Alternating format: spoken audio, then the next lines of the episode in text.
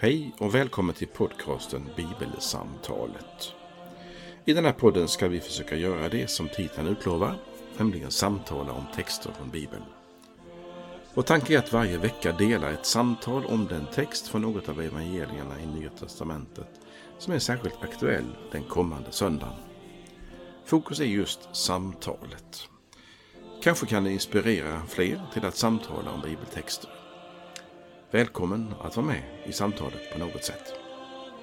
Vi som gör den här podden det är Fredrik Borglin, kommunister i Istorps pastorat och Karl Magnus Adrian, präst bland annat tidigare i just Istorps pastorat. Välkommen att vara med. Idag så ska vi stanna till inför eh, en text från Johannesevangeliet kapitel 13. Och det ska vi göra för vi tar sikte på fjärde söndagen i påsktiden. Och då finns det en överskrift som det alltid finns. Och den här gången är det Vägen till livet. Och jag läser från Johannes 13, verserna 31 till 35. När Judas hade gått sade Jesus, nu har Människosonen förhärligats och Gud har förhärligats i honom. Är nu Gud förhärligad i honom ska Gud också förhärliga honom i sig och han ska snart förhärliga honom. Ännu en kort tid är jag hos er, mina barn. Ni kommer att söka efter mig. Och jag säger nu till er vad jag sade till judarna. Dit jag går kan ni inte komma. Ett nytt bud ger jag er, att ni ska älska varandra. Så som jag har älskat er ska också ni älska varandra. Alla ska förstå att ni är mina lärjungar om ni visar varandra kärlek. Så lyder det heliga evangeliet. Lovad vare du Kristus. Ja, och så sitter vi här nu. Inför ännu ett, till ännu ett bibelsamtal. Roligt att vara här. Eh, jag vill göra som jag brukar och säga någonting om, om sammanhanget. För det, det var inte originellt. det var inte så jätteoriginellt. nej. Eh, Det var ingen, ingen originalitet jag försökte frammana heller. Men eh, ja, det, det och jag tänkte så här. Ska jag berätta något kul innan du börjar? Ja, gör det. Jag har funderat rätt mycket på sammanhanget den här gången. Men, men tar du det? Ja, men jag ser fram emot att höra vad du, vad du vill tillföra där Carl Magnus. Ja, så bra men, jag, jag, nej, men jag, jag tycker det, det, det ger mig ofta mycket att, att göra det. Så det, det ja, nej, jag, jag, jag, jag liksom tycker ofta att saker hamnar i, i kommer på något sätt rullar kulan in i liksom, i, liksom kommer till rätt plats på något sätt. Och då vill jag egentligen säga om man ska säga något om sammanhanget så tänker jag att för det första så är en gammaldags predikan här. För det första så är sammanhanget Johannesevangeliet. Och varför säger jag det? Det är väl uppenbart. Jo, för att nu under påsktiden så, så läser vi mycket ur Johannes. Han får, liksom, han får vägleda oss. Så är det varje årgång, tror jag. Att det är mycket Johannes nu i påsktiden. Eh, och och det, ska, liksom, det kan vara värt att stanna till inför att nej, men nu, nu lyssnar vi på Johannes. Söndag efter söndag om vi går i kyrkan eller om vi kanske läser texterna hemma eller vad vi gör.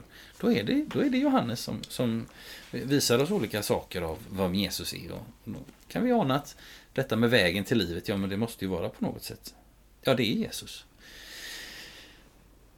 Och för det andra så är sammanhanget, och nu blir det kanske en liten tillbakablick för sammanhanget för den här texten är ju Jesus sista kväll i livet. Det är skärtorsdag nu. Det är då som det som vi läser om idag som är eh, som vi ska försöka att borra oss in i om en stund. Det är sammanhanget här. Alltså Jesus har instiftat nattvarden och Johannes han berättar också om en annan sak som de andra inte tar upp. Det här med att Jesus tvättar lärjungarnas fötter. Och, och när Jesus har gjort detta och så har Jesus också utpekat förrädaren, Judas. Och Judas har lämnat gruppen. Det var det jag läste först idag. Att när Judas hade gått, alltså han har, han har gått för att göra vad han ska.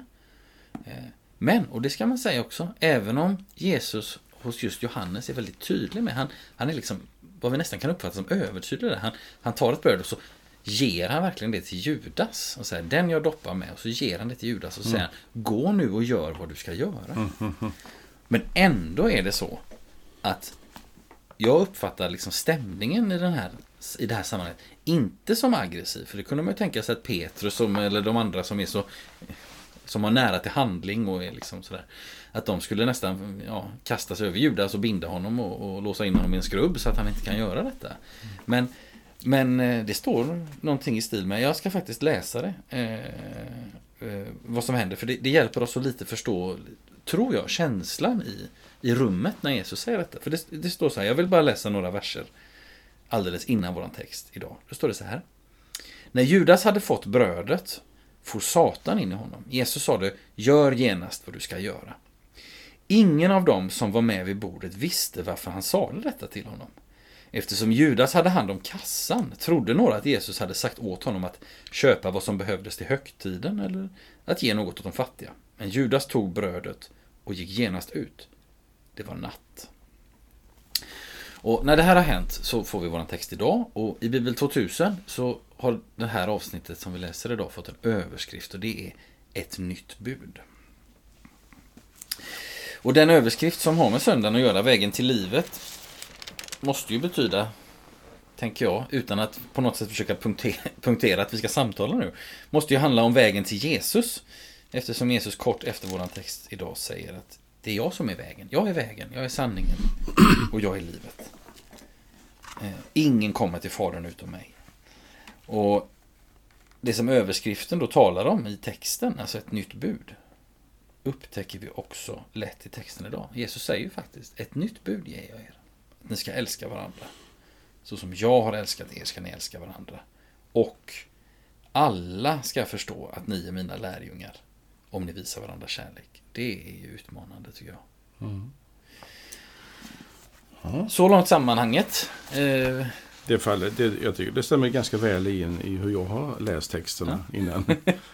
Ehm, det är ju, han har tvättat fötterna på lärjungen och mm. nattvarden är, eller påskmåltiden är aväten. Och så mm. händer det som med Judas som du sa. Mm. att han får, han sitter vid Jesu ena sida och Johannes vid den andra i bordet. Mm. Och så får de del av sakramenten som vi säger i numera. Vi tänker på nattvarden. Och sen händer detta. Eh, det som gjorde att jag eh, var tvungen att läsa tillbaka till texten, alltså innan textens sammanhang. Ja.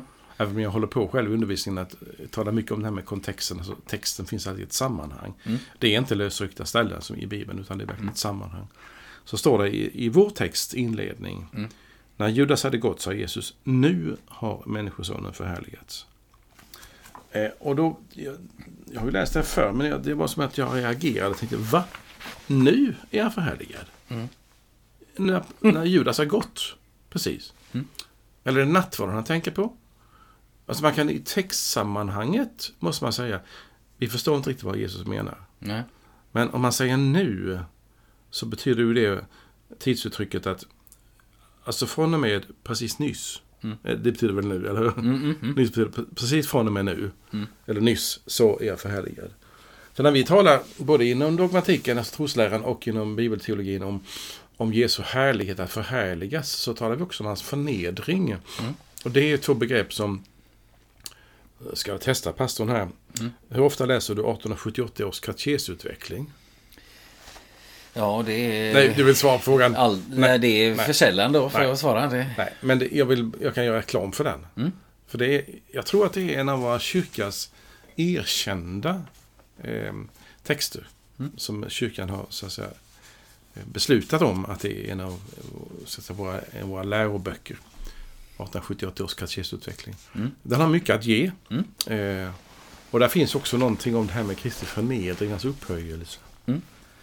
Och förnedring eller upphöjelse eller förhärligande.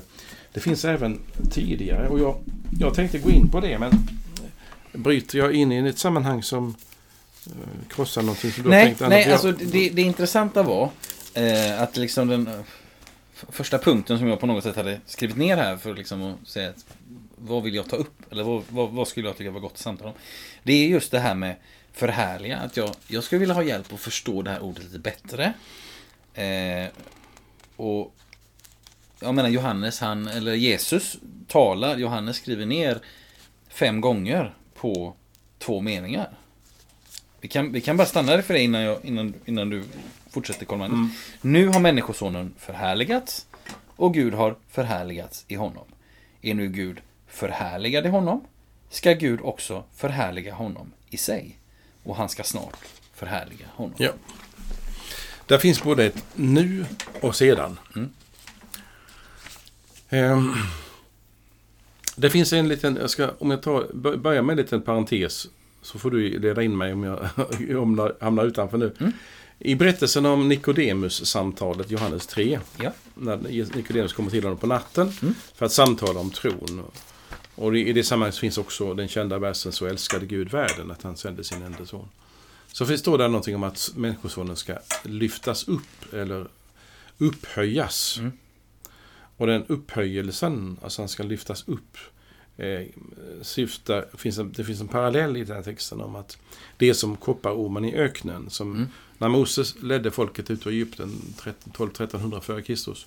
Så kom de till ett ställe där de blev bitna av ormar. Och då skulle de göra en kopparorm och hänga upp på en, på en påle. Mm. Och de som såg på denna orm, de blev Mm. botade från sin skada. Mm. Alltså inte de som kröp fram och lyckades, utan bara, bara att se på den så var Mm. det befrielsen. Mm. Och det använder Jesus i Johannes 3 som en bild för att eh, det är likadant med mig, när jag upphöjs och man ser mig Mm. så är räddningen där. Alltså frälsningen finns att se på Kristus på korset. Och då tror jag man brukar i det vi kallar för kanske den evangelisk-lutherska trosläran tänker jag att Kristi förhärligande Mm. inleds med lidandet Mm. och korset och fortsätter i uppståndelsen. Mm. Och hans förnedring, alltså när han avstår från allt, det gör han fram till och med det. det. För han, han, han, är, han är, har inte kommit, som man säger, för att upprätta ett rike av denna världen, utan Mm. hans rike av annat slag. Men nu kommer någonting som förhärligas och det inleds genom lid, i lidandet och, uppstå- och eh, korsfästelsen. Och då tycker jag inte man ska bli någon pedant, för det, det tror jag inte är schysst att vara när det gäller bibelteologi. Utan tänka att i detta med lidandet och döden så är det något, den dolde Gudens härlighet som gömmer sig i lidandet och döden. Det, det kallar Luther för alltså det här med, med att Gud är dold bakom någonting. Medan det mänskliga sättet att tänka det är att man döljer inte härligheten bakom i förnedring, utan man Mm. döljer, man, härligheten ska stråla tydligt. Mm. Eh, ungefär som att Jesu allmakt döljs eh, under hans jordeliv. När han är gå- på Getsemane så säger han jag skulle kunna få hit tolv legioner änglar. Mm. Ja, men gör det då. Alltså, kan du inte framträda i härlighet? Mm. Och då väljer Jesus att inte göra det. Han avstår. Mm. Och det tar sen Paulus upp Mm. i Filipperbrevet 2. Jag kan väl ändå citera det för någon som vill bli påminn om detta. För det vill säkert någon bli. Om vad som står där i det andra kapitlet. Som så här i Filipperbrevet 2. Står det så här. Ehm, han, Jesus, ägde Guds gestalt men vakade inte över sin jämlikhet med Gud utan avstod från allt och antog en tjänares gestalt då han blev som en av oss. Alltså där börjar förnedringen. Mm. När han till det yttre hade blivit människa gjorde han sig ödmjuk och var lydig ända till döden, döden på ett kors. Därför har Gud upphöjt honom över allt annat och gett honom namnet över alla namn för att alla knän ska böjas för Jesu namn och så vidare. Mm. Alltså detta att Guds son avstår från makten, det är, det är förnedringen. Mm. Han framträder där och jag ser framför mig två bilder. Dels naturligtvis Jesus evangelierna som vi pratar om nu. Och dels är det eh, den tecknade delen av Narnia-serien som var Mm. den första jag såg innan jag såg den, den som är med människor som agerar. Så är ju Aslan, det, det fantastiska lejonet, Mm. som är mäktig att göra allting. Mm. Han gör någonting för Edmund som, han, Mm. som är förrädaren. Ju. Han avstår sin makt och låter sig gripas. Eh, och den, den, den scenen är så fint skildrad för att den vita häxan som, som då är en symbol för den onde eh, tror liksom inte att det är sant. Kan jag gripa den här stora Aslan? Mm. Ja, han gör inte motstånd. Åh, fantastiskt, nu ska jag ta honom och binda honom. Mm. Alltså, han avstår, han, han, han ödmjukar sig så mycket att han avstår från makten och rätten att ta, slå näven i bordet. Detta är förhärligandet Mm. i, som startar här. att härligheten, den gudomliga härligheten, den är alltid dold här på jorden. I lidandet, förnedring, svaghet. Så i svagheten och förnedringen och lidandet så döljer sig Guds härlighet. Och jag skulle säga, detta är någonting som hade jag inte fått upptäcka det här med Jesus och Gud så skulle jag skrattat åt mig själv nu. Mm. För det här är det mest absurda man kan tänka sig. Mm. Att det finns en poäng med att avstå från möjligheten till att få makt om man nu är god. Mm. Men det finns ett annat, något som är viktigare här och det är kampen mot det onda. Mm. Det vill säga att det, det onda och den onde som är så, det är så djävulskt fruktansvärt i den här världen med ondskan kontra hur det var tänkt och hur det ska bli. Att Gud måste förnedra sig och bli människa och gå in i döden. Så mycket ont är i denna världen. Eh, att, att Gud eh, har, eh, måste på detta sättet lämna allt av sin härlighet för att ta sig an ett folk, mänskligheten, som har fallit i synd och är fördärvad. Mm. En fallen värld. Där Jesus kan säga om människan, "Hur- hur kan ni som är onda ge era barn goda gåvor? Alltså han kallar människosläktet för ont. Människan är också där inne ond. Hon kan mycket väl producera goda saker självklart. Men det finns någon ondska där inne som är så svår att Gud måste bli människa. Och denna, denna, denna akt att förändra, att försona, den tycks starta med lidandet. Mm. Och därför tror jag, och nu kommer frågan till min kära vän pastorn här. Mm. Är det så att Jesu, ska jag säga, det medvetna lidandet här vid, vid denna måltid Mm. startar upp just här? För nu får vi skippa eh, i Johannesevangeliet 14, 15, och 16 och 17. Mm. För det är ju liksom ett avskedstal. Mm. Och hoppa till 18. Mm. Det vill säga vi får hoppa från, som du säger, från skärtorsdagen till långfredagen. Det är inte så Mm. långt upp. Och Mm. tänka så här. Säg till om jag rörde till det nu. Alltså, när Jesus nu eh, har firat nattvard, en påskmåltid. Judas har gått ut.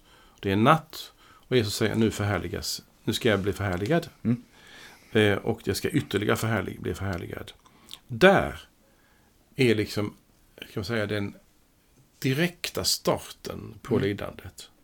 Nu går han över bäcken Kidron som vi sjunger i salmen. Mm. Eh, och så går han över Kidron från nattvardssalen till Getsemane, där blir han gripen och så Mm. lidandet döden. Mm. Alltså det är här, i vårt, vårt- precis i vårt avsnitt, Mm. som försoningshandlingen inleds Mm. i och med att Judas går ut Mm. och gör det han ska göra. Och det kan vi ta sen. Mm. Eh, tror du att det är tänkt så? Ja, om jag förstår, ja, precis, om jag, först, om jag förstår det rätt, eh, talar så jag har uppfattat det med andra ord. Så är det ungefär som att när Jesus säger nu har människosonen förhärligats. Eh, det har att göra med någonting som har hänt i den här stunden, någonting som Jesus aktivt har gjort eller kan vi säga mer passivt har tillåtit. Ja. Och så att säga, vad, eh, vad, om vi skulle så att säga, låt oss säga att vi hittar på att situationen går till på ett annat sätt. Mhm. Eh, precis före det vi läser idag. Och, och vi tänker oss följande exempel. att eh, Jesus han berättar för lärjungarna att en av er ska förråda mig. Eh, han säger också, eh, han doppar bröd i skålen, ger till Judas och så säger han eh, han har sagt sådär, du vet, eh, den jag doppar och med är det. Och, så här. och lärjungarna på något sätt, ja, de kanske inte fortfarande förstår riktigt, för det här är så på något sätt märkligt för dem att ska en av oss göra så att du hamnar i, i liksom ändå fiendernas klor. Och om Jesus då hade sagt eh, bind honom till händer och fötter och lås in honom i skrubben tills påskhögtiden är över så att jag sen kan åka upp till Galileen och fortsätta min predikoverksamhet och Ja. mitt helande. Jag förstår vad du Då hade han inte kunnat säga nu har människosonen förhärligats. Eller förstår du vad jag menar? Alltså det vill säga, då hade inte försonings eh, verket dragits igång. Så att Nej. säga. Men när han, om jag förstår det rätt, så när han, ja, akt, för han, Jesus är ju på något sätt aktiv, han, han inte bara tittar bort och så eh, fick Judas ett tillfälle att slinka ut, utan det var så, han säger, gå nu och gör vad du ska göra. Så att i så Absolut. fall så, utifrån det håller jag med dig. Men, men du hade sen en, tycker jag, en bra kommentar. Det är att själva ordvalet är ju väldigt främmande för oss. Nu har människor förhärligats. Jag skulle ha skrivit, för att vara övertydlig, nu börjar jag mitt, eh, min försoningsgärning. Mm. Så skulle Paulus uttrycka det kanske. Men Johannes uttrycker det på ett annat sätt. Mm. Eh, Men det är då jag menar, i det sammanhanget så passar det bra med min bild att, att eh, Guds härlighet göms Mm. alltid bakom Mm. eller under Mm. lidande och död. Mm. Och svaghet inte minst. Svaghet. Där gömmer sig själva pärlan, själva poängen i allting. Mm. Eller? Ja, och jag tror också, man tänker så här, varför är inte Johannes tydligare? Det, det, är ju liksom, det var den frågan du ställde, upplevde jag. Eller varför... varför Ja, För oss är det lite ova, ett Ja. ovat ord. mm, ja, men det är det. Och, och, och det hade... Eh, Johannes hade kunnat skriva ord här, eller Jesus hade kunnat säga ord här. Eh, eller man kan tänka, tänka så här. Johannes hade kunnat välja ut ord som Jesus har sagt under sitt liv. Som hade varit tydligare. Så att vi direkt förstår. Aha. Eh, och och då, tänk, då tänker jag så här att Johannes, så tänker jag att, eh, och det är jag inte på något sätt ensam om, att Johannes när han skriver sitt evangelium så vet han vad de andra tre har skrivit, de andra evangelisterna. Och, och då vet också Johannes att en ganska bärande punkt hos Markus, det är att Jesus under vandringen till Jerusalem talar om sitt lidande flera gånger. Och, och både Matteus och Lukas tar över detta, eller de liksom inkorporerar, eller inkorporerar, onödigt ord, alltså, Ja. de använder det. Och de liksom säger att det här är viktigt och så. Och, och, och då tänker jag att då kan Johannes vara så frimodig som säger att man, de andra tre evangelisterna, mina tre arbetskamrater eller vad vi ska säga, de har ju ut, uttryckt detta så tydligt så att nu vill jag, nu vill jag plocka fram ord av Jesus som visar på ett på ett annat, eller som liksom öppnar upp en ny dimension av det Absolut. som sker. Eller så. Jag tänker att, och, och då är det, så att säga, då kan det vara oss till hjälp att när vi läser texten idag med det här ordet förhärliga och, och förstår att ja, det är ju otroligt viktigt i dagens text för det sägs fem gånger på två meningar. Ja, men då, då, då kan man tänka så här, här, här, här använder Jesus ett språkbruk som, som ja, förhärligar. Det är inte omedelbart tillgängligt för oss kanske eller så. Eh, Men, men, men han är också medveten om att Jesus har talat om detta på, på ett mycket tydligare sätt och det kunde ju inte lärjungarna alltid ta emot. Det, vet, det märker vi om vi läser där i, i, hos de andra. Att de, de, deras reaktioner är, är, är jag ska inte säga att de är märkliga, men, men du, du, alltså, det, lärjungarna kan inte ta emot det här att Jesus ska lida och dö. Men, men Jesus har ändå varit tydlig, även om de inte kunnat ta emot det riktigt. Ja, ja. Nej, det fattade de inte ens efter uppståndelsen. Nej. Enligt Apostlagärningarna 1 ju. Nej. Nej men alltså eh, grejen är att jag tror att det finns ju, om, om vi säger att Johannes är teologiskt intresserad, det, det, jag tycker inte om uttrycket men jag sa det ändå. Alltså han är, han är mer beskrivande, han, han talar ju om runt omkring och hittar hemligheter och mysterium som inte de andra kanske gör lika mycket eller tar Nej. fram. Mm. Eh, Så är kanske poängen ändå att, att tänk om de första kristna ändå så självklart förstod det här med lidandet eh, som döljer härligheten. Mm. Att det är vi som är Mm. sentida människor i, eh, i västerländsk tappning som inte alls förstår det här. Men att, att, att pärlan är gömd i åkern. Mm. Eller ja, så det vackra ligger bakom det som inte tycks vara vackert. Mm. Vi så det omedelbart, vi söker omedelbart ska vi ha svar på alla frågor. Omedelbart ska vi ha tillfredsställelse. Omedelbart ska vi ha svar. Alltså det är en sorts självupptagenhet till gränsen till ouppfostran. Alltså att jag ska ha svaret. Medan den andliga världens villkor är liksom inte kända för oss. Eh, Men tänk då om, om, det, om det, det gudomliga alltid liksom här i, i tillvaron är dold i svaghet. Mm. Det skriver Paulus i första Korinthierbrevet eh, kapitel 1. Alltså på något vis så är det stora, det härliga, det underbara, det starka alltid gömt. Mm. Och någonting inom mig reagerar ju mot det, det måste jag erkänna. Att jag tycker, ja, men om det är nu någonting så kan du väl träda fram och göra det Mm. tydligt. Alltifrån den här enkla be bevisen, eh, tanken att om Gud finns så borde Gud göra det och det. Mm. Det, det förstår ju du och jag att man kan tänka så. Mm. Medan den andliga världens verklighet tycks vara annorlunda. Det finns en Mm. annan dimension här. Och det är det tror jag som Johannes med det ordvalet vill peka på. Mm. Sen undrar jag en sak som jag tycker är viktig både för mig och möjligen för någon annan. Och det är att vad är konsekvensen och poängen av detta för mig? Mm. Tänk om det är så enkelt som att ser, ser jag att när Jesus dör på korset klockan tre på långfredagen så blir den onde grundlurad, avrätt eller avslöjad. Mm. Där blir han liksom avväpnad på något Mm. vis. Eh, Jag har kanske i sammanhanget här citerat ett ställe som har lett mig in i de här tankarna. Eh, Och det, du får säga till om, om det här är jag minns inte när jag har sagt det, men det är i första Korinthierbrevet 2 om visheten. Mm. Jag, jag läser den då. Mm. Ehm, Vad vi förkunnar är Guds hemlighetsfulla vishet, som var fördold, men som redan före tidens början av Gud blev bestämd att leda oss till härlighet. Visheten, denna, kände ingen av denna världens makter till. Om de hade känt till den skulle de inte ha korsfäst härlighetens Herre. Mm. Alltså visheten, den verkliga gudomliga visheten, den har alltså varit dold. Och den onde förstod inte att det han gör när han far in i, Luka, i, Luka, i, Judas Mm.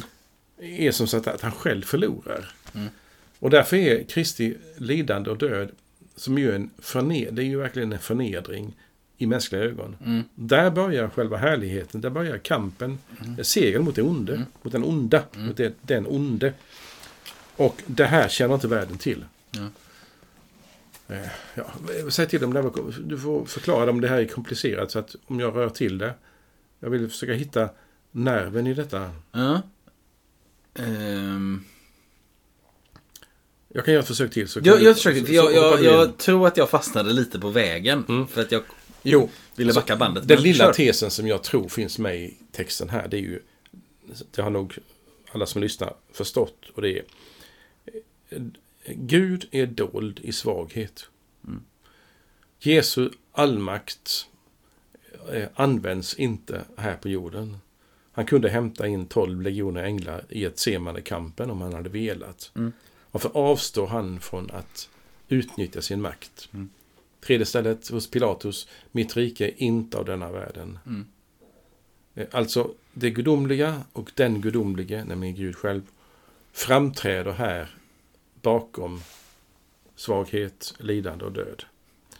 Och nu när försoningshandlingen startar på allvar så är det ett förhärligande. Då, då, då säger liksom fadern till sonen, fantastiskt att du gör detta. Mm.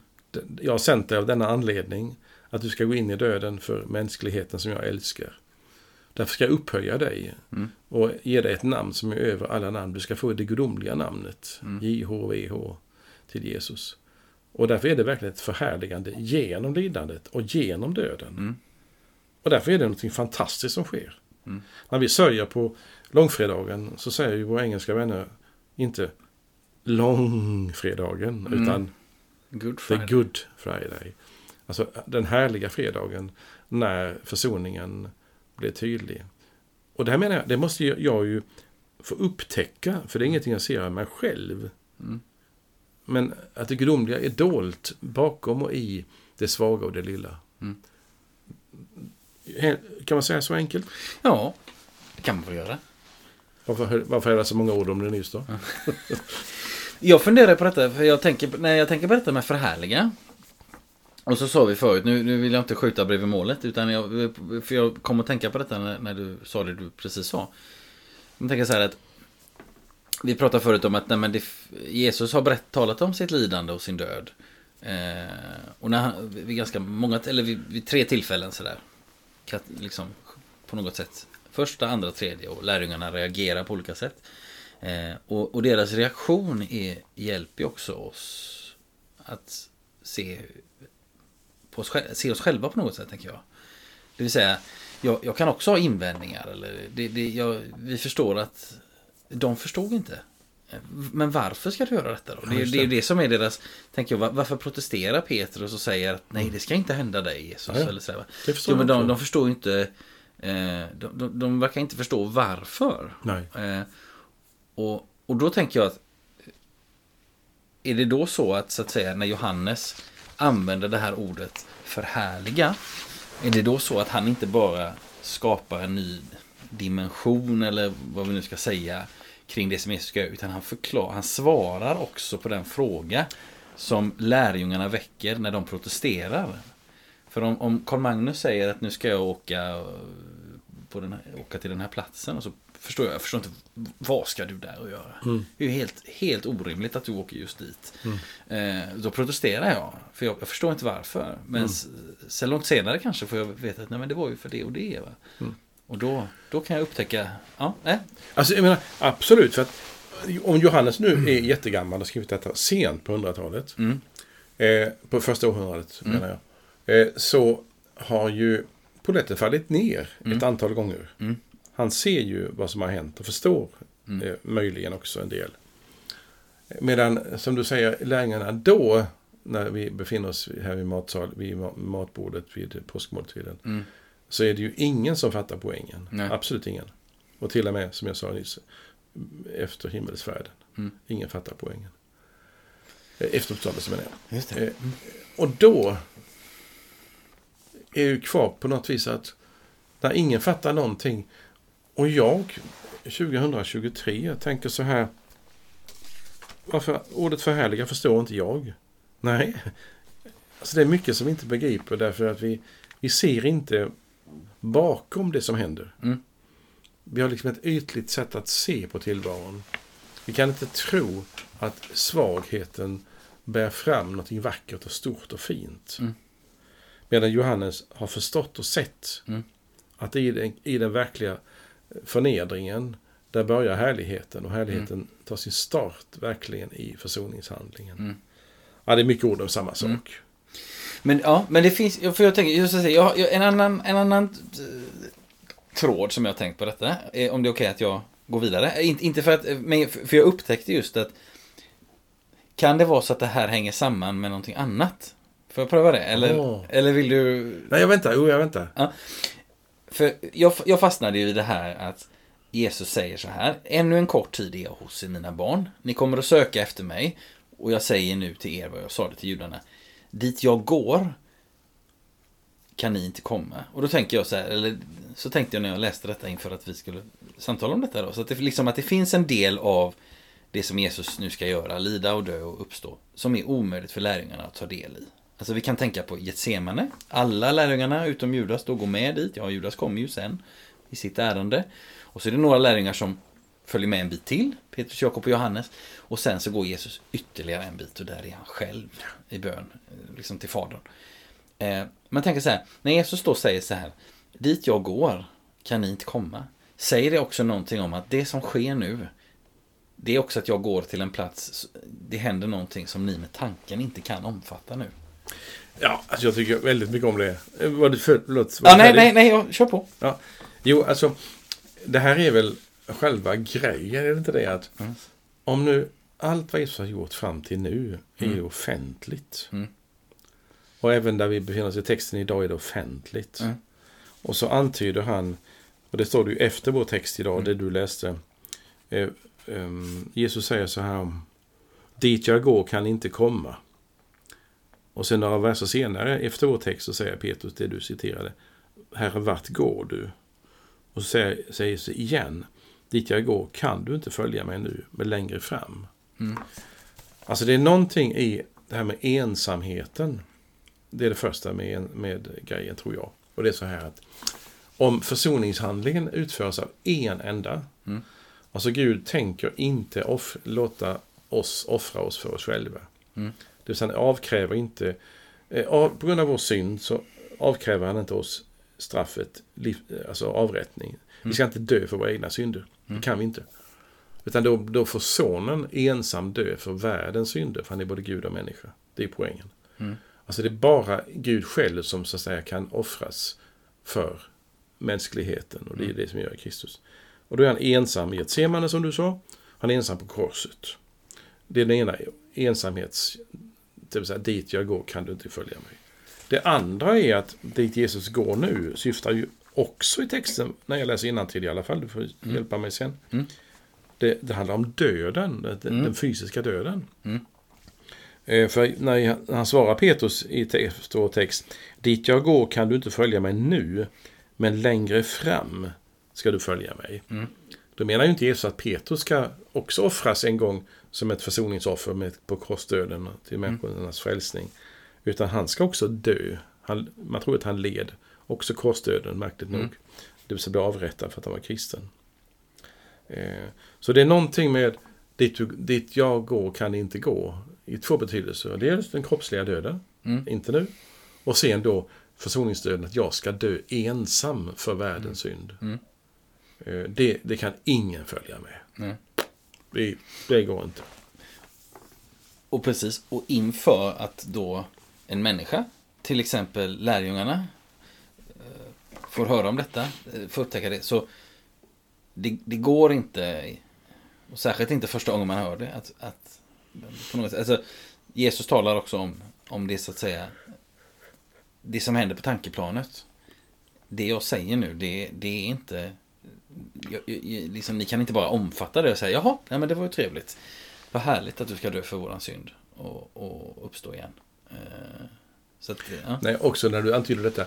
Det intressanta är, eftersom ingen fattar det, Mm. så är han också, ska vi säga, lite slarvigt ord, han är mentalt och psykologiskt helt ensam. Mm. Alltså om ingen fattar vad han håller på med, då är man Nej. också helt ensam ju. Ja.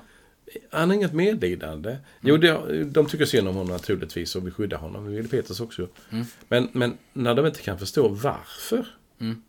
då blir det ju ännu konstigare ju. Mm. Dels har han ju mist poängen med sitt liv, tycker de, att det inte blir någon jordisk furste och, Mm. och kung och Mm. Pilatus efterträdare och ersättare. Men också att han på något konstigt sätt är, är, det är oförståeligt. De fattar inte vad han gör. Mm. Då faller liksom allt för dem. Och det, jag tycker det är så, för mig har det betytt väldigt mycket att få upptäcka att lärjungarna under lång, lång tid, ända fram till uppståndelsen, till himmelsfärden, inte begrep. Och då när vi talar om att vi inte förstår oss på det här med gudom, det gudomliga och, och så här, så tänkte jag, men det, det är inte så lätt, så lätt att förstå det. För det är ett helt annat sätt att, att liksom lösa problemet. Mm. Du vet att jag, jag berättade för dig någon gång att jag har ju en sån där eh, gammal banal tanke som har hållit på länge hos mig i Mm. mitt huvud när jag ska sova ibland. Jag fantiserar mycket när jag somnar. Mm. Och jag är ofta, eller ibland i alla fall, är jag den gode Stålmannen. Mm. Som bringar rättvisa på jorden. Och Vad fixar. Jag minns att innan, innan muren föll 1989 så höll jag på att riva den många gånger i Berlin och sådär. Mm. Och tog bort taggtrådstängslet och befriade människor från detta märkliga land och så. Det är mycket naivt men det, jag, jag, så tänkte jag. Jag tänker så ibland också. Mm. Att det sättet att befria längtar vi efter. Mm. Och jag hade säkert, om jag varit Jesu lärjunge, varit på samma nivå. Jesus, kan du inte ersätta både Pilatus och Herodes Mm. och hela köret där? Kajafas. Ja, och, och Hanna som är så stor i korken tycker jag. Mm. Kan du inte liksom plocka bort dem allesammans och bli kung? Mm. Och så är det här liksom förändringen. Ja, Mm. det är någonting annat. Jag har en fråga till dig. Ja, kör. Om inte du vill hoppa på det. En sista tanke om detta, men bara. Eh, jag upptäckte när jag, eh, när jag fastnade lite för det här med dit jag går kan ni inte komma. Att Jesus intressant nog har sagt det två gånger tidigare. I kapitel 7 och i kapitel 8 Mhm. i Johannes. Eh, och jag tänker så här. Nu har jag inte ens de sammanhangen klart för mig. Men, men man kan bara notera att kanske Eh, om, man, om man tittar på de båda ställena så kan man fundera på, är, finns det hälsningar där från Jesus eh, som på något sätt går att jämföra med att Jesus talar om sitt lidande flera gånger i de andra evangelierna? Förstår du vad jag menar? Eller råkar det bara vara att Jesus använder ungefär samma ord för någonting? Men jag tänker så här, vi, vi, vi, har inte, vi har inte tiden för det spåret också. Och jag har, eh, liksom, men, men jag ville bara säga att just det här uttrycket som vi ändå fastnar vid nu en stund. Mycket intressant. Dit jag går kan inte komma. Jesus har uttryckt sig så liksom långt tidigare. Mm. Sju och åtta. Ja, det är bra. Ja, jag ska inte... Nej, vi, jag, jag ty- kom på också andra paralleller. Nu vi släpper Ja. dem. Men jag har en fråga som jag inte själv förstår. Mm. Eh, har du någon gång i ditt liv, kanske utbildningsmässigt, som jag inte vet någonting om från mig själv heller, ingen fått undervisning om det. Men de som har satt ihop evangelieboken, Mm. alltså det vi kallar, det finns i psalmboken, alla texterna. Mm. Det är urval. Mm. Och varför? Vilka texter som är med i olika söndagar. Mm. Vet du någonting om sånt? Ja, följdfråga som du anar. Mm. Eh, Nej, inte särskilt mycket. Jag, jag inbillar mig någonstans att om man, eller så har jag liksom tänkt på det och, och fått liksom höra det. Att, att liksom det första, så att säga, det första, första, första roten till det här att vi har olika texter olika söndagar det är att varje söndag är påskdagen och det man firar Jesu uppståndelse liksom varje söndag och så här. Och sen eh, så börjar man liksom på något sätt uppmärksamma vissa delar av Jesu liv. Eh, och, och, andra saker som man vill uppmärksamma. Eh, så. Eh, ett, bara ett, ett sådär lite exempel. Eh, Jesus föds, det firar vi jul. 25 december. Den 26 december så är det annandag jul och då mm. firar vi martyrerna. Mm. det är ju en sån där dag som ibland det kanske Det är inte så riktigt så många gudstjänster eller det kanske är sammanlyst eller sådär. Mm. Men det är intressant att, att kyrkan har faktiskt firat martyrernas dag längre än vad man har firat Jesu födelse. Mm. Läste jag någonstans. Alltså, om man tänker, nu, nu blir det ju liksom annandag jul för oss och det, mm. man firade ju inte annandag jul innan man firade jul. Men, men just ämnet för annandag jul är äldre mm. än att Jesu födelse. För klart i en svensk kontext, det är, det är den, det är den stora högtiden. Det är då kanske många går på det där årliga besöket till, till gudstjänsten och, och välkommen. Det är jag då. Jätteroligt att mm. mötas. Eh, men, men, men Jesu födelse var inte det stora i den nej. tidiga kyrkan. Men så, nej, jag tänker att det handlar om händelser i Jesu liv på olika sätt som man har uppmärksammat och försökt liksom hitta en ordning för. Men... Nej, jag har nämligen sådana enkla frågor som man borde ju i min ålder ha klarat ut de här frågorna men det har jag inte gjort. Mm. Så det är det jag berättar Frimodigt också. att du delar det. Ja. ja. Jag förstår eh, textkombinationerna eh, jul, mm. eh, trettonde helgen mm. med, med, vem, Gud, vem Jesus säger vad han har gjort. Ja. Eh, Fastlagssöndagen och, och förberedelsen till inför långfredagen, mm. kanske speciellt lidandet och så. Påskdagen är jag med på också. Mm. Annandagen också. Mm. Emmausvandringar och så. Eh, sen efter påsk så är det liksom någon sorts väntan på pingst. Mm. Det är det som finns i Apostlagärningarna 1 och i Lukas mm. ja, 24 kanske på slutet. Alltså i väntan på pingsten. Mm. Och då tycker jag så här att i väntan på pingsten, eh, alltså efter påsk, det borde ju vara texter och sammanhang som berättar om efter påsk och före pingst. Mm. Och där har vi väldigt lite mm. i evangelierna. Vi mm. har nästan ingenting. Nej. Vi har det i Apostlagärningarna 1. Ja. Det vill säga de som höll till i Jerusalem. Mm. Eh, ihop i den övre salen. Mm. Lärjungar lite grann. Och Maria och mm. lite mm. goda vänner där. 120 mm. stycken tror jag det var. Mm. Och sen kommer pingstdagen. Temat, och det var det som jag började med att fråga till dig. Vägen till livet är temat idag. Och då har man valt en text där vi, som vi håller på med som är kapitel 13. Mm. Före Jesu avskedstal mm. innan lidandet. Mm. På första årgången har man en text som handlar om eh, att han ska lämna dem en kort mm. tid och ni ser mig inte. Alltså det är före påsktext också. Mm. Och i, i, andra årgången har vi också en sån text som mm. handlar om Jesu avskedstal. Och nu kommer vi till tredje årgången och det är en text före för, eh, avskedstalet. Eh, handlar den här texten om vägen till livet? Är det Jesus sätt, alltså är de Jesus nu? Han går genom lidandet och döden till livet. Mm. Tänker du att det är någon rubrik? Eller är det så att vi inte ska bry oss om rubrikerna ibland vissa mm. söndagar och texterna för att vi ska inte kunna få ihop dem? Mm. När det är påskdagen så är det lätt att fatta. Då ska alla texter handla om påsk på något vis. Mm. Men nu är vi liksom efter påsk och inte pingst. Mm. Där är vi nu. Mm. Och jag bara grundade över, ni förstår, och är kanske ointressanta frågan. Men jag, men jag tänkte på det. Mm. Om du kunde bringa klarhet i detta. Varför det heter Vägen till livet och varför vår text finns med i det temat. Nu skulle ni se på Fredrik Bulle, han sitter här och, och grundar. Jag, I konvulsioner. Nej, men jag är verkligen inte något hån mot dig. Tvärtom. Nej. Absolut inte. En tanke som jag fick nu när du eh, liksom lyfter fram detta med de olika tiderna i kyrkans år. Och, och vad, vad är då grejen med den här påsktiden? Ja. För det var, det var lite upp, ja, det är väntan till din fråga. Gäller, ja. i alla fall. Och om man nu tänker att tiden efter trettondagen handlar om att det som du sa där, att Jesus, vem är Jesus? Ja. Och, alltså, Jesus skapar tro, Jesus är vårt hopp och sådär. Det, det, vi, kan man ju lyssna på tidigare avsnitt om man inte gjort det. Eller ja. vill återgå till det. Och sen så handlar fastan mycket om eh, om lidandet och döden och sådär. Och sen så är det klart att vi Anledningen till att påskdagen är den stora dagen för krist, i kristen tro det är ju att det förändrar allting. Eh, och det, det är liksom oj, han var inte bara någon slags, inte bara en angenäm uppburen morallärare. Och han var inte heller någon som var liksom bara någon som visade på ett exempel levde som han lärde och gick i döden. Det kom nu för fram till min fråga. Ja, och sen kommer uppståndelsen. Ja. Och då, då kastar det ett nytt ljus över allt som Jesus har Absolut. sagt. Och då behöver vi på något sätt göra ett omtag. Vi behöver återvända Aha. till saker och se att okej, nu är jag med på, eller nu, nu i liksom ljuset av det som skett så får jag gå tillbaks till saker jag tidigare har, har varit vid och se nu ligger det på plats. Tack. Därför kan vi idag säga nu har han förhärligats. Ja, men nu fattar jag.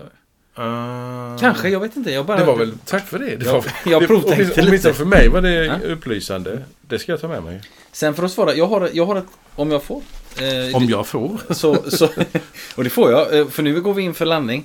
Eh, Men jag tänker att jag vill säga ett sista ord. Apropå detta med vägen till livet bara. Så får vi se vad, vad får du gärna en kommentar på det om du vill här. Även fast jag kallade det för ett slutord. Det var ju inbjudande och bra. Alltså, men så vad, vad är det i dagens text som, som beskriver vägen till livet? Och då kan man tänka så här, att Jesus har förhärligats? Ja. Att Jesus går någonstans? Ja. Han går vägen han går en väg som är för vårt eviga livs skull. Men hör vägen till livet också samman med det här som vi inte har berört så mycket idag. Som är det nya budet. Som Jesus ger sina lärjungar och därmed också oss att vi ska älska varandra. Finns det någonting av vägen till livet i det som Jesus faktiskt befaller idag? Och ger oss det där lite ut, inte så lite utmanande. Alla ska förstå att ni är mina lärjungar. Så. Och då vill jag bara säga så här. Att det finns, det finns ett kapitel i Bibeln. Eh, det kanske finns många andra som jag inte känner till så väl. Men det finns en, ett kapitel i Bibeln som kopplar samman sådant som Gud har gett oss människor som han befaller på något sätt. Och att det är en väg. Och det är Psaltaren 119 som talar om att Guds befallningar och Guds bud, så, det är en väg. Så jag vill, jag, vill, jag vill läsa några verser från Psaltaren 119 som är på detta temat. Och sen vill jag inbjuda dig Carl Magnus att re- respondera även om jag har kallat detta för ett slutord. Okej. Så nu läser jag valda verser ur Psaltaren 119. Det är ett urval detta. Så får, man får läsa igenom hela denna långa psalm om man vill hitta alla ord. Det står så här. Jag ska begrunda dina befallningar. Jag ska ge akt på dina vägar. Låt mig förstå den väg du befallt. Så kan jag begrunda dina under. Låt mig aldrig slå in på lögnens väg och ge mig i nåd din lag. Sanningens väg har jag valt, dina lagar har jag för ögonen. Jag löper den väg dina bud visar, ty du har vidgat min insikt. Visa mig, Herre, dina stadgars väg, och jag ska följa den till slutet. Led min vandring efter dina bud, den stigen går jag med glädje. Det ondas väg beträder jag aldrig, jag vill lyda ditt ord. Ditt ord är en lykta för min fot, ett ljus på min stig.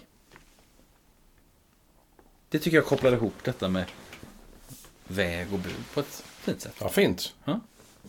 Jag har inget tillägg med tanke på att vi har pratat så länge idag. Just det. Och det här med kärleken, det tar vi en annan gång. Det tar vi en annan gång. För det blir för mycket att ta Ja. upp nu. Så här, så här Men- sent i programmet. Men ro, roligt tycker jag, eh, bara säga det, att, att roligt att vi också kunnat lämna några saker. Alltså för så här, det hinner vi inte med nu. Nej, eller så. inte. För vi, vi, vi, det är liksom, det finns en given tidsrymd som vi, Absolut. tror kan vara till hjälp också för den som lyssnar. Ja. Eh, då vill jag också säga till dig som har lyssnat, stort tack för att du har varit med. Det, hoppas att du har också funnit något och känner dig liksom uppmuntrad också att samtala som vi har gjort. För det är någonting som liksom, vi vill uppmuntra också dig som lyssnar att göra. Men tills vi hörs nästa gång så önskar vi dig som har lyssnat allt gott och Guds välsignelse. Hej då! Hej då.